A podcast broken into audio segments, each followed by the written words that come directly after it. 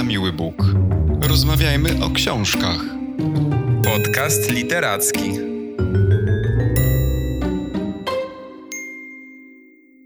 Cześć, dzień dobry, witajcie w kolejnym odcinku naszego podcastu. Dzisiaj porozmawiamy o książce z wydawnictwa Pauza. To jest druga książka tego wydawnictwa w naszym podcaście. Tytuł Utonęła. Teresa Bowman, tłumaczenie Justyny Czechowskiej. Książka bardzo nowa, wydana 3 marca mm, tego roku. Nie wiem, Kamilu, czy Słyszałeś coś o tej nowości? Cześć wszystkim. Tak, Maćku, słyszałem o tej książce, natomiast nie wiem za wiele. Wiem po prostu, że temat jest dosyć kontrowersyjny, są to relacje kobiece, y, pojawia się tam jakiś mężczyzna, no i wszystko dzieje się w Szwecji. Tak, zgadza się. No właśnie, autorką jest Szwedka Teresa Bowman. To jest jej debiutancka powieść. Ona w pauzie ukazała się jako bodajże trzecia książka z kolei. E, nie czytałem tych dwóch poprzednich, to od razu mówię. Sięgnąłem po tą, bo, bo gdzieś usłyszałem, że jest to dosyć mroczna narracja, a jak już wiadomo, takie narracje są mi bliskie i bardzo je lubię. Natomiast sama książka opowiada o Marinie, ona jest główną bohaterką i zresztą narratorką tej powieści. Jest e, studentką historii sztuki i ona odwiedza swoją siostrę Stellę, która mieszka na południu Szwecji, w Skanii, w bardzo przytulnym domku na wsi i mieszka tam ze swoim partnerem Gabrielem, e, mężczyzną kilkanaście lat starszym, no, czarującym, przystojnym. Gabriel to intelektualista, podróżnik, e, również pisarz. E, jest takim typem mężczyzny, który może się podobać i wspominam o tym, bo nie pozostaje to bez znaczenia, ponieważ pomiędzy Mariną a Gabrielem rodzi się pewne napięcie i to właściwie już od pierwszego momentu, gdy tylko się spotykają i poznają. No i chyba to tyle. Nie mogę powiedzieć za bardzo więcej, dlatego że, tak jak mówię, to jest e, nowość. Jestem przekonany, że nie wszyscy nasi słuchacze przeczytali tę książkę i nie chciałbym zdradzać zbyt dużo. W każdym razie jest to bardzo intymna i mroczna relacja. Zresztą wszystkie właśnie relacje w tym domu są mroczne. Ci bohaterowie mają tajemnice e, i sekrety. I bardzo ciekawa jest konstrukcja tej książki. Ona składa się z dwóch części. Pierwsza dzieje się w trakcie upalnego lata, e, zresztą która jest wspaniale przedstawiona, bardzo obrazowo, z dużą miłością do roślin też, bo, bo przewija się ich bardzo dużo w tej powieści. No i bohaterowie spędzają wspólnie czas, rozmawiają, gotują, piją wino na werandzie, jednym słowem sielanka. Natomiast druga część dzieje się w zupełnie innym czasie, w tym samym miejscu, ale jest już późna jesień, początek zimy. Jest szaro-buro, nie ma słońca, zmierzch zapada bardzo szybko i te dwie części książki rozdziela pewne dramatyczne wydarzenie i druga część tej powieści jest próbą zrozumienia e, tego, co się wydarzyło. Chciałem zauważyć, że kiedy wpiszemy nazwisko naszej dzisiejszej autorki w, w wyszukiwarce w internecie, to ona pojawia się zawsze w kontekście artykułów lub wywiadów o feminizmie. E, zastanawiam się właśnie, czy te relacje siostrzane i też relacja tej głównej bohaterki z mężem własnej siostry, czy ona też zahacza o, o, o to zjawisko feminizmu, pozycji kobiety w stosunku do mężczyzny. Pytasz mnie o to, czy bohaterki są czy mają twarz takiego współczesnego feminizmu, czy są silne? Pytam o to, ale pytam też ogólnie o ich relacje względem mężczyzn, bo tu pojawia się też e, pytanie właśnie, czy autorka, która jest feministką i która tak bardzo interesuje się tym zjawiskiem, przekłada to też na karty swojej historii w tej książce. Czy masz jakieś takie wyobrażenie? Ja tej książki nie czytałem, więc mogę tylko zapytać. Mhm. To ta informacja o tym, że autorka jest feministką jest dla mnie właściwie nowa, bo e, przyznam się, że nie miałem czasu w ogóle zagłębić się nawet w biografię autorki. Praktycznie nie wiem o niej nic. Natomiast jak myślę o tych bohaterkach, to jestem przekonany, że no właśnie one nie mają takiej twarzy feministycznej i to nie są takie um, bohaterki, które biorą sprawy w swoje ręce. Może posłużę się takim zdaniem, które na okładce widnieje, napisane przez Georginę Gryboś e, z literackiej kawki, której właśnie blarb e, jest na, na okładce. Ona pisze, że Bowman jest specjalistką od gorzkich bohaterek i po raz kolejny zabiera nas w kobiecy świat, który istnieje, ale nie bardzo chcemy go dostrzec. Dobre określanie, że te bohaterki są gorzkie. E, moim zdaniem one wchodzą w raczej takie oklepane i mało feministyczne role. Są kobiety, które pragną miłości i tego, aby mężczyzna się nimi zaopiekował, ale w związku z tym, bo to jakby jest normalne, ale w związku z tym one są w stanie zrobić niemal wszystko dla tego mężczyzny. No i to już jednak się trochę kłóci z taką feministyczną postawą, prawda? One zgadzają się na bardzo dużo, na wiele, na zbyt wiele, i dają się zdominować. To nie one dominują, to raczej to mężczyzna je dominuje i w jakimś sensie nawet myślę, że ta dominacja e, im się podoba. Przynajmniej tym, tym bohaterkom oczywiście z tej książki. W gruncie rzeczy są to kobiety, które wpadają w pułapkę i, i są chyba zbyt słabe, żeby, żeby się z niej wydostać. E, zdecydowanie brakuje im e, siły, no, którą mają właśnie współczesne feministki, czy też takie postaci właśnie tworzone przez e, feministyczne pisarki. Ale z drugiej strony tak sobie myślę, że być może Bowman uprawia w jakimś sensie feministyczne pisanie, chociaż może takiej starej daty, bo ta jej książka, nie, nie wiem jak inne, ale ta pokazuje wciąż trudne położenie kobiet i, i sytuacje, z którymi e, muszą się one mierzyć. No, być może nie są to jakieś supernowatorskie fabuły i nie są to zupełnie nowe sytuacje, bo one jednak gdzieś tam już zostały kilkukrotnie opisane, no ale myślę też, że jednak takie ciągłe pokazywanie tego, że problem istnieje, też jest jakąś e, cegiełką w tej feministycznej walce. Szczególnie, że pamiętajmy o tym, no, że książka właśnie została e, wydana w Szwecji, a więc jednak w kraju, no, który słynie z otwartości i równości społeczeństwa, jest jednak takim krajem, do którego wiele społeczeństw e, dąży, prawda? Mm, a jednak wciąż również w Skandynawii tego typu rzeczy i problemy są na porządku dziennym. Ty jeszcze tego nie powiedziałeś, ale z tego, co przeczytałem w internecie, wnioskuję, że w fabule dochodzi do zdrady i ona jest jakby takim elementem, wokół którego zaczynają dziać się kolejne wydarzenia. I spotkałem się też ze stwierdzeniem, że Bochman pisze tak, jakby to wszyscy zdradzali. Jak tam jest przedstawiona ta zdrada? Z czego ona wynika? Co to za czarna wizja? Wiesz, nie wiem, czy czarna wizja. Ja na przykład uważam, że nie ma sensu pisać książek o szczęśliwych małżeństwach, no bo nic się za bardzo w takowych nie dzieje. Nie wiem, z czego wynika ta zdrada. Musiałbym o tym chyba e, trochę głębiej pomyśleć. Właściwie chyba z, z jakiejś obsesji, z pożądania. No między tymi bohaterami jest tak, tak gęsto już od pierwszego momentu, od pierwszego spotkania. Nie wiem właściwie z czego to wynika. Chyba z tego po prostu, że w jakimś sensie pożądanie nie jest czymś, co możemy kontrolować jako ludzie i, i zarówno y, różnego rodzaju właśnie obsesje takie erotyczne, seksualne y, są w gruncie rzeczy częścią naszego człowieczeństwa i pewnie jedną z naszych wielu słabości.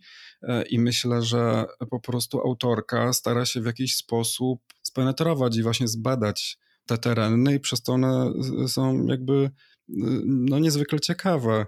Czasami właśnie zadajesz mi takie pytania i, i zastanawiam się nad tym, czego ty na przykład oczekujesz od powieści, że ona będzie pokazywała bardziej zrównoważony świat, to znaczy taki, że w tego typu książce mm, będziemy mieli związek czy małżeństwo, które jest przykładne, nie zdradza się i, i takich ludzi, którzy są po drugiej stronie barykady? Chciałbym, żeby powieść nie była tendencyjna i nie uderzała jednakowe tony, tylko jakby w jeden, jeden klimat, w którym jakby wszyscy się zdradzają, bądź nikt się nie zdradza. A jeśli wszyscy zdradzają się w jakiejś małej, w małej grupie ludzi, to chciałbym poznać, e, jakie jest tego tło, jakie są tego przyczyny. Wydaje mi się, że coś, co jest zbyt kolorowe albo zbyt czarne, nigdy do mnie nie dotrze. Stąd moje pytanie, bo taka, taka pojawiła się opinia autorcy, że według niej wszyscy są samotni, że długoletnie związki w jej powieściach nie funkcjonują zgodnie, nie dają jakby satysfakcji, tylko w rezultacie po wielu latach w końcu doprowadzają do zdrad. No i gdzieś tam zastanawiam się, z czego to wynika, bo nie chciałbym też czytać y, odpowiedników Larsa von Trier'a w kinematografii, tylko tutaj w literaturze. Jeżeli tak stawiasz sprawę, to faktycznie te związki u nie działają, przynajmniej w tej powieści, chociaż jest tam też takie jedno starsze małżeństwo, jakieś zupełnie z trzeciego planu. Y, nic nie wskazuje na to, aby mieli jakieś problemy głębsze. Ja jednak patrzę na tą y, złożoność świata nie przez książkę, nie przez powieść, a przez literaturę jako całość. Sięgając po książkę, mam jednak świadomość tego, że przyglądam się pewnemu wycinkowi świata. I pewnemu wycinkowi, który no, autor zdecydował się mi pokazać. I oczywiście wiem, że świat jest pełniejszy i nie oczekuję tego, że w tak małej książce, w tak małym wycinku świata będą pokazane wszystkie kolory związków, miłości, małżeństwa itd., tak itd. Tak Musimy pamiętać, że analizujemy ciągle jedną powieść, natomiast ja odnoszę się w swojej opinii y, do jakichś artykułów, które traktują o całej twórczości tej naszej dzisiejszej szwedzkiej autorki, ale zostawmy ten temat. Powiedz, Maćku, co tobie się w tej książce podobało? Wiesz co, najbardziej podobało mi się dwie rzeczy. Pierwsza to jest, y, i ona będzie ciekawa w kontekście książki, o której mówiliśmy poprzednim razem, to są niedopowiedzenia. Bo tak jak już powiedziałem przed chwilą, książka ma 170 kilka stron, a jest bardzo, bardzo gęsta. Jest mnóstwo, mnóstwo niedopowiedzeń. I tak jak poprzednim razem bardzo narzekałem, że właśnie autor wszystko wyjaśnia, doprecyzowuje, dopowiada, jakby nie ma miejsca na wyobrażanie sobie tego, co tam się mogło zdarzyć, bo wszystko spadane na tacy, tak tutaj są białe plamy i właściwie tak naprawdę wszystkie te kluczowe chyba rzeczy w y, fabule nie są do końca tak dopowiedziane i zostawiają pole do interpretacji.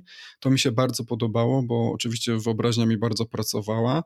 A druga rzecz, y, która jakby zawładnęła mną, to właśnie klimat tej książki. Myślę, że inspiracją do stworzenia tego, tego klimatu i tego świata, w którym się wszystko rozgrywa, jest obraz y, Johna Everetta y, Milleysa pod tytułem Ofelia. To jest takie jedno z najbardziej znanych dzieł prerafaelitów, takiej londyńskiej grupy artystycznej z XIX wieku, która inspirowała się właśnie mistrzami włoskiego renesansu, ale też na przykład Williamem Blake'em, który przecież pojawia się licznie w powieści Prowadź swój pług przez kości umarłych, Tokarczuk. No nie ma odcinka bez Tokarczuk, tak nam się to wszystko jakoś zazębia. I obraz ten przedstawia e, Ofelię.